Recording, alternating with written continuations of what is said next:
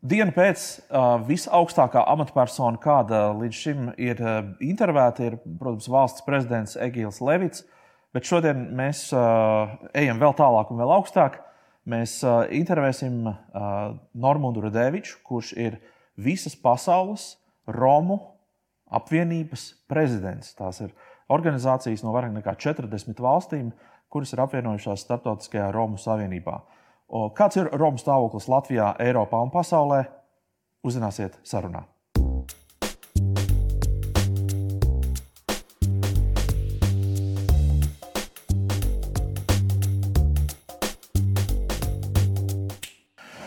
Normāli saki, vai uh, Romiem, kas dzīvo Eiropā, ārpus Latvijas, un, un Latvijas romiem tās problēmas un tā, tie izaicinājumi ir, ir vienādi vai tomēr ir atšķirīgi?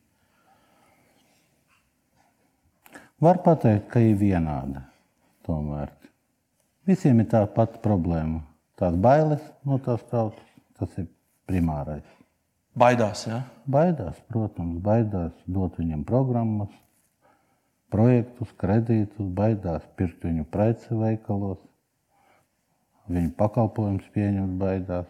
Nu, tās ir tās bailes. Tas ir stereotips, kas ne jau šodien izveidojās. Tas izveidojās jau 500 gadus atpakaļ, kā tik Romi ienāca iekšā Eiropā. Kā, kā tas izveidojās? Jūs varat mazliet to vēsturi izstāstīt, jo, jo, jo tas stereotips ir. Es zinu, es, es, es pats to esmu piedzīvojis. Nē, nu iedomājieties, 15. gadsimtā ienāk sveši cilvēki, savādāki pavisam, citās drēbēs, ar citu kultūru, citām tradīcijām. Cilvēki viņus nav redzējuši.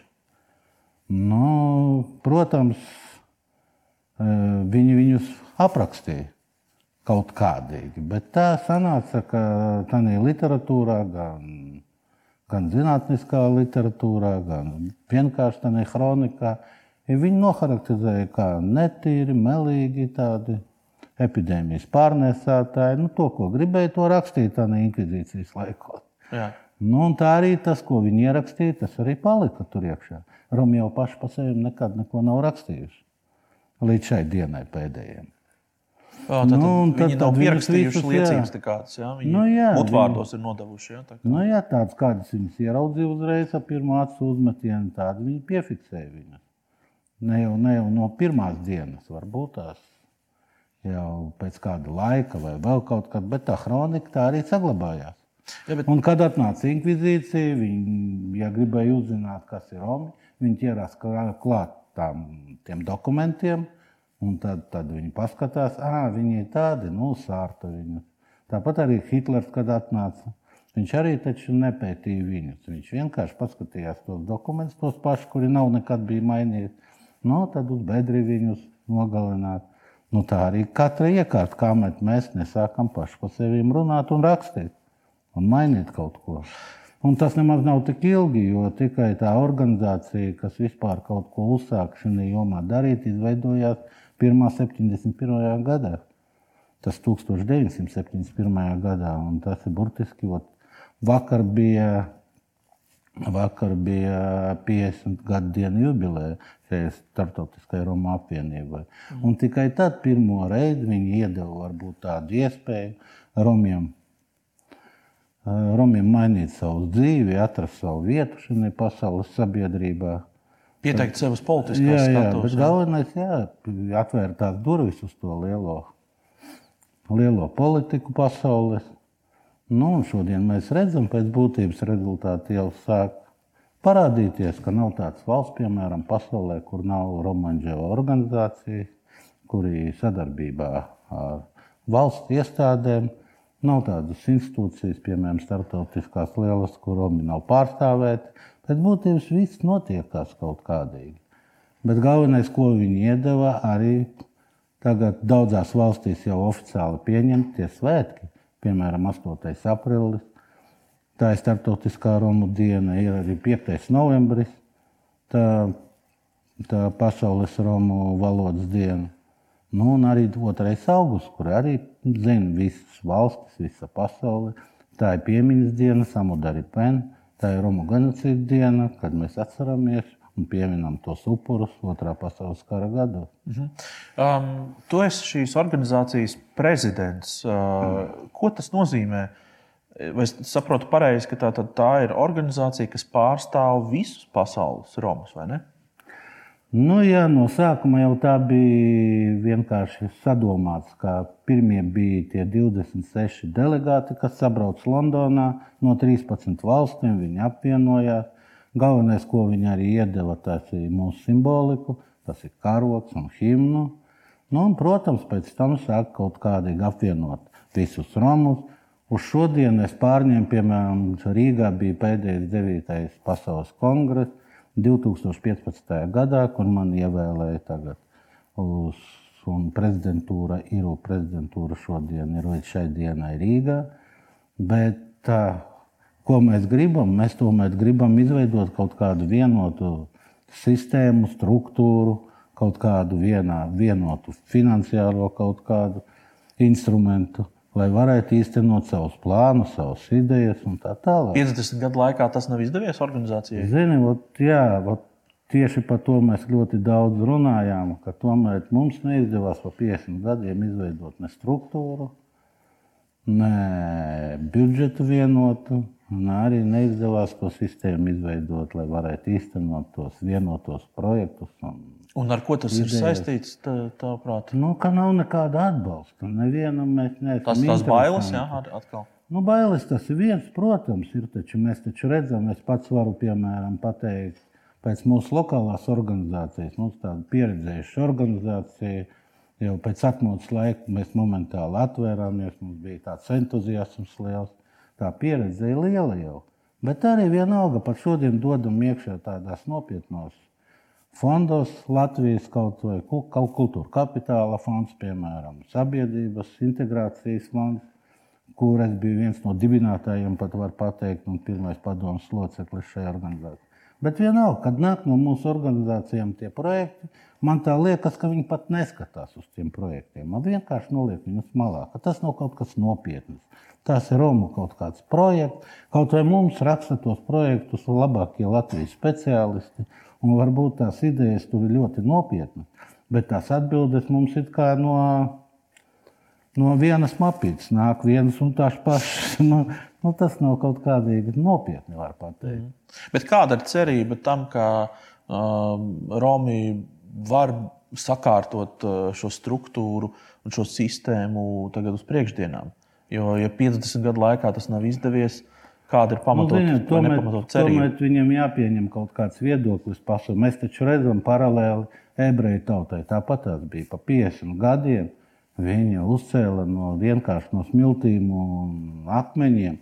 Nu, paradīze var teikt, tur es biju Izraels valstī. Nu, tur ir vienkārši fantastiska gan pilsētas, gan, gan, gan pati sistēma, struktūra. Nu, protams, bet viņiem katru gadu gāja ļoti drausmīgi liela finansējuma iekšā tam valstīm. Tāpēc tur viss notikās tik ātri. Mums pa visiem šiem gadiem, cik man ir zināms, pa 50 gadiem, kā mēs pastāv šī organizācija, nevienu reizi nebija neviena budžeta. Vispār visi pat nevar saprast, kā viņi vispār turās 50 gados, kādiem principiem un kādiem pamatiem. Jo Romi tomēr ir tā mentalitāte, ka viņi ir nedod tos biedru naudus. Ot, mums tāda ir tā sistēma. Jā, viņš ar tevi var kopā, ja tu pie viņa atnāc ciemos, viņš tāds ir. Kā saka, kā pateikt, latviešu hlibasoļnieks. Kad, kad, kad viņš ar tevi var tūkstoti nosēdēt, noēst, nodzert, bet vai viņš to vienu eiro iedotu kaut kur, kaut kādā kopējā kasē, nu, tas nav. nav. Tā mentalitāte nav. Pagaidām vēl nav, protams. Tāpēc, protams, mums ir savas kaut kādas idejas. Mēs zinām, piemēram, kā mums jādara. Tagad pēdējā laikā to Indija ļoti interesants pārunas notiek. Tagad viņas atkal aktuāli sākās. Burtiski no 18. gadā bija tāds uzplaukums. Kas ir ar Indiju? Kas, kas tur ir tāds specifisks? Nu, kā Indija 18. gadā, tad bija tieši tā tūkstošgada, kad mūs izveda ārā no Indijas. Nu, tas bija tas atskaites punkts. Un pēc tūkstošiem gadiem mēs atnācām atpakaļ uz Indijas valdību nu, un teicām, ka re, mēs esam. Mēs saglabājām kultūru, gan tradīcijas, un pat valodu, jo Romu valoda sastāv 70% no sanskritu valodas. A hindi pati sastāv no 50%. Tāpēc, jo mēs izgājām ārā no Indijas pirms tam, kad bija reforma tur Indijā. Uh -huh. Nu, vārdu sakot, vārdu sakot, mūsu partneri bija tāda nopietna politiķa, Indijas Sušmas kundze, tā ārlietu ministri, kas to uztvēra ļoti nopietni. Un 18. gadā mēs oficiāli saņēmām, ka Indija pieņēma un sāk skaistīt mums kā Indijas diasporu. Un bija jau lēmums pieņemts valdībā, ka tagad izskatīs to likuma projektu, lai atzītu mūs kā minoritāti Indijas. Tad būtu, protams, tas būtu kaut kāds oficiāls status, un tas dotu iespēju daudz lielākas. Jebkurš roms, piemēram, pasaulē varētu saņemt vai nu uzturēšanās atļauju, vai nu vai no pilsonību. Nē, nu es, protams, viņiem uzreiz teicu, ka tas romiem nav vajadzīgs, jo viņi uz Indiju nebrauks. Bet viņiem, laikam, indiešiem arī tas nav vajadzīgs. Vai romi tagad no visas pasaules, tie 50 miljoni kaut kur aptuveni tur svārstās atkal. No 40 līdz 50 nav tā statistikas pareizi. Jo mēs tomēr neizveidojām to informācijas bāzi. Kaut arī mēs sākām ļoti nopietni strādāt uz to ID dokumentu izsniegšanu desmit gadus atpakaļ. Bet mums kaut kā, kaut kā pārspēlēja tās institūcijas. Nevienam tas nebija interesanti. Nu, es to sapratu, ka tas ir tas galvenais, ko mums jāizdara. Tāda uh mhm. -huh. informācijas bāze, mēs kļūstam uzreiz spēlētāji. Vai, vai tas nozīmē, ka ja Indija tagad pasaka, ka jūs esat laipni gaidīti un aicināti atpakaļ, viņu zemē, tas nozīmē, ka mēs vairs Romas nevarēsim saukt par klejotāju tautu, ka viņiem tomēr nu, būs savs mājas. Viens, jā, nu, tā alegoriski teikt, es pateiktu, ka tūkstoši gadi, ja mēs skaitījāmies kā bāreņi bez mātes un tēva, nu, tad mums te parādījās tāds nopietns brālis. brālis, vismaz vecākais. Pusotram miljardu iedzīvotājiem, jā, tāds jā, jā. diezgan spēcīgs. Bet viņiem ir cits intereses. Viņiem tomēr tīri ekonomiskās arī intereses, jo Viņiem tagad ir ļoti liela ekonomiskā izaugsme Indijā. Tā tehnoloģijas, tās IT tehnoloģijas, ļoti mašīnu rūpniecība, tekstils tā attīstās, bet viņus nelaiž iekšā Eiropas tirgu, kur viņi grib tikt iekšā. Mm -hmm. Roma Eiropā šodien 20 miljoni dzīvo. Un tas ir tas, tas moments, ar ko mēs sākam te būt interesanti priekš Indijas. Jo caur Romiem viņi var tikt iekšā, piemēram, Eiropas tirgū. Jo te ir bezdarbs, te ir problēmas ar romiem. Eiropai arī tas būtu interesanti, jo šodien viņi ir kā, nu, kā problēma uz, uz, uz kakla. Var teikt, ka 70, 80% pārsvarā sēž bez darba un ir uz tiem pabalstiem. Tā ir problēma. Un te būtu labs risinājums. Indijai ir iespēja tikt tādu tiltu izveidot, tik, piemēram, Eiropas tirgu. Uz Eiropas tirgu. Eiropai ir normāli, ka, ka tie cilvēki, kuri tur dzīvo, nav ņēmēji vairāk, bet devēji, jo viņi maksā nodokļus. Bet Romiem ir tas, ka viņi beidzot atrod savu nišu kaut kādu un mm -hmm. savu vietu sabiedrībā. Ja mēs runājam par, par izglītību, nu, pierasts tā domāt, un es, es pieļauju, ka tas arī daļai varbūt ir stereotips, bet varbūt nē, to pakomentēt ka mm, Romi nevisai labi integrējās izglītības sistēmā. Bērniem tur ir uzmanības, tur noturēšanas visādi traucējumi. Un, un, un tad skolās ar viņiem netiek galā, un tad viņi tās skolas nepabeidz, un loģiski, ka viņi neiestājās augstskolā un tā tālāk. Vai tas pieņēmums mans ir nu, vispār zināms, patiess, vai tomēr eh, tagad kaut kas pēdējā laikā ir mainījies? Nē, nu ir tāda. Negribas vienkārši mācīties, cik es zinu. Piemēram, nav stimula bērniem mācīties. Te bija tāds uzplaukums 2000. gadā Latvijā. Es par Latviju runāju. Tāds ļoti liels entuziasms jauniešu vidū bija. Mēs viņiem tādu labu e, piedāvājām tādu instrumentu. Rīgas valsts tehnikumā bija izveidota tāda speciāla etniskā grupa, kur bez iespēju eksāmeniem varēja tikt bērniem pamatizglītību mhm. iekšā. Mēs tur vienojāmies. Nu, stipendijas maksāja viņiem, nu, tie bērni aizgāja. Neslikti aizgāja. Pirmā gadā kaut kur 20 studenti, otrā vēl 20. Un normāli mācījās, tika galā, bija tādas interesantas e, specialitātes, kā menedžments, mārketings. Tas bija ļoti modē, tāds e, biznesa vadība un tā tālāk. Un kas tur neno, nenotika kaut kas līdz galam? Bet notika tas pats kā vienmēr. Notika, kad viņi saņēma izglītību, viņiem neatradās atkal vieta, kur viņiem varētu atrast sev darbu. Un Tā bija tā problēma. Vienalga viņa to pašu diplomu aizbrauca uz Angliju vai Īriju, strādāt uz to vergu darbiem. Mm. Um. Un nav stimula, vārds sakot. Un tā izglītība tomēr priekš ramiem es nezinu. Ja, piemēram, mazs bērns, kas zinu, viņš līdz 10, 12 gadiem ir ļoti attīstīti, gudri, viltīgi, tādi apģērbīgi. Ir visu viņš zina, jo mūsu tradīcijas izglītību pārsvarā viņi saņem no mūsu vectēviem un vecmāmām. Nu, tā ir iemesls. dzīves, jā, dzīves izglītība. Jā, tā. jā, jā.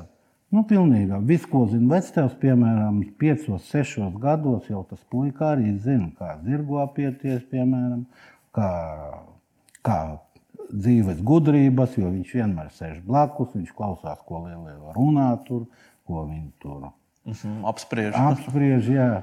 Ja tā ir meitene, nu, viņa no mātes neiet projām, viņa zina vārīt, viņa zina veļu mazgāt, viņa zina visas tās sieviešu darīšanas, ar ko nodarboties. Viņa pat zīmēt, prot, jau, jo viņa vienmēr ir blakus, viņa skatās to filozofiju, skatās, viņa zina jau. Aha. Un, un tā, tā iekšējā gudrība tiem bērniem ir ļoti augsta diezgan. Un tas redzams pat skolas gados. Kad, bērni tam ir 10, 12 gados, pat 8 gados, viņi ir drusku savādāk. Viņi tādi apģērbīgāki ir. Viņi tādi ir. Bet viņiem nav interese būt tajā izglītības Jā, sistēmā. Bet faktiski. pēc tam, protams, pēc tam visi aiziet tālāk. Cilvēki taču viņiem vajag skolai, vajadzīgi tas atkal ir cits instruments, kas, kas, kas šodien ir vispār nepieciešams. Mm. Un mēs jau to saprotam. Bet viņi rakstīt, lasīt, iemācās. Viņi domā, ka viņam tas pietiek, un viss jau nav, nav tālāk stimula. Nevedam, kā šo mēs... risināt? Tev ir kaut kāda recepte, kā to, kā, kā to varētu pagriezt, vai to vispār vajag risināt? Un... Nē, nu, to vajag. Šodien, šodien bez izglītības tu nevari neko. Šodien mums ir, mēs dzīvojam 21. gadsimtā, šodien izglītība ir vajadzīga. Tomēr. Mm. Šodien visas tās jaunās tehnoloģijas, visas lietas ir izglītība ir vajadzīga. Jo tās amatnieku, roku darbs un lauksaimniecība, tās ir labas lietas, bet tie ir arodi, tas, kas, kur viņi bija speciālisti. Šodien viņi nav pieprasījums. Tas ir viens. Otrais, protams, mēs domājam par tiem Romu ciematiem. Bija tāds interesants programma jau 2014. gadā mums izveidota. Bet, diemžēl, tā mēs netikām vēl īstenot. Kaut vai interese ir ļoti liela. Burtiski nesen Pat nepilnu mēnesi atpakaļ bija ļoti nopietna konference Valencijā, kur piedalījās tie augstākie Eiropas komisijas ierēģi. Un bija arī vecākā referente, kas atbild tieši par, par Romu stratēģiju, par to jauno. Nu, viņi paši prasīja, vai var. Viņi saka, viņi dzirdēja jau, ka mēs Latvijā domājam par tādu nodarbinātības ciematu, kur, kur varētu cilvēki ne tikai dzīvot, bet arī, bet arī strādāt un mācīties un tā tālāk. Un interesējas, vai var ir iespēja, piemēram, atbraukt, paskatīties, pārņemt pieredzi. Jo, piemēram, Spānijas valdība ļoti interesējas. Viņi teikt, mēs ar lielāko prieku gribam izveidot. Faktiski Latvija var rādīt visādus pie, piemērus. Tas būtu Eiropā, ideāls variants, lai brauc tie visi komisāri, pētnieki un skatās un pieņem to modeli, ievieš pie sevis un var normalizēt situāciju. Mm -hmm. Tāpēc es domāju, tagad ir laba, labs, labs tieši mirklis tāds, kad, kad veidojās tās mūsu tās pamatnostādes tam jaunam, jaunai stratēģijas programmai mūsu valstī, ilgspējīgai tieši uz tiem septiņiem gadiem, tad mēs varam ielikt tur iekšā arī kaut vai, nu, kaut vai, kaut vai vienam ciematam, tieši Jā. paraugam izveidot un pašiem paskatīties, vai tas sanāks vai nesanāks mums Jā, uh, Normāli es noslēgumā gribēju pajautāt par, par, par, par integrēšanu. Uh, kaut kā mēs visu laiku runājam par integrāciju, Romu integrāciju, uh, gadiem par to ir runāts. Vai tu redzi kaut kādu, tā, kā, kaut kādu cerības staru, vai, vai kā, vai nezinu, jūs paši vispār gribat integrēties, vai, vai, vai kā, kā tas? Kā, Kā to var izskaidrot? Nu, ko nozīmē integrēties? Mēs integrēti, mēs Latvijā esam jau, jau runājuši par Latviju jau ļoti ilgi, jau 500 gadus. Latvijā. Mēs jau integrēti esam visur, gan kultūrā, gan tradīcijās, gan reliģijā, gan vienādi svētki un piemiņas dienas. Mums, mums viss ir vienāds pēc būtības. Mums integrēties vajag tieši nodarbinātībā, kas mums trūks. Mums vajag iet kaut kādā kopīgi atrast savu vietu kaut tad viss būs normāli. Mums ir nepieciešama kāda niša. komunikācijas kampaņa vai kaut kas tamlīdzīgs. Lai... Nu, jā, bet tas ir atkarīgs no mums, jo ir tās bailes un nedot mums iespēju sev pašiem atrast to vietu. Jo Romas nu, nevar tik vienkārši samainīt. Mēģināja jau ilgus gadus, kas tik nemēģināja viņus pārtaisīt. Nu, viņi ir tādi, kādi viņi ir, un nepavēlti varbūt tādi ir. Jo šodien viņi ir tie, kas tomēr saglabāja nu, tās, tās senās tradīcijas, saglabāja, viņi saglabāja to dzīves gudrību, mhm. to filozofiju, tādas dziesmas, dēļas. Tas ir varbūt šodien nav pieprasīts viņš. Tas, ko viņi nes. Nu, Es nezinu, šodien pieprasīt vairāk, piemēram, kā Ukraiņai ir. Jā, viņi interesē visiem, jo viņi rausta tur aiz, aiz ūsām, to Jā. lielo brāli, to Krieviju. Tas ir interesanti. Āfrikas valstis, kur var kaut ko nopelnīt, nopārdot viņiem ūdeni, vai elektrību, vai vēl kaut ko dīzeli. Mēs neesam vēl šodien nevienam interesi. Bet es nedomāju, šodien būs, varbūt tās rītā būs, pēc dažiem gadiem būs tas deficīts. Tomēr tieši tas, ko mēs šodien saglabājam, jā. jā, savu mīlestību, siltumu, to enerģiju, to, to, to radošo darbu. Tas ir tas, kas varbūt šodien būs tas galvenais. Un es ceru, ka diena pēc gan skatītāji, gan klausītāji arī šodien varēja ieraudzīt Romas mazliet citādākām acīm. Lielas paldies, Normand, kad ieradies un ar mums parunājies. Paldies tev. Es gribēju pēdējo teikumu pateikt. Es izskatos šajā pasaulē kā zilonis. Ziniet, kas, kas nesēja tās mazus zariņus tādus. Un nesēju un strādāju. Un visi man apkārtēji saka, o, bravo, kāds normāls, apskaties, kā viņš ne. Bet es varu nest tādus baļķus, ļoti nopietnus. Bet man nav iespēja paņemt tos baļķus un nesēt. Un tur mans pienesums būs daudz lielāks un vajadzīgs gan mūsu valstī, gan manai tautai. Jā, novēlu, lai izdodas. Paldies jums! Labi!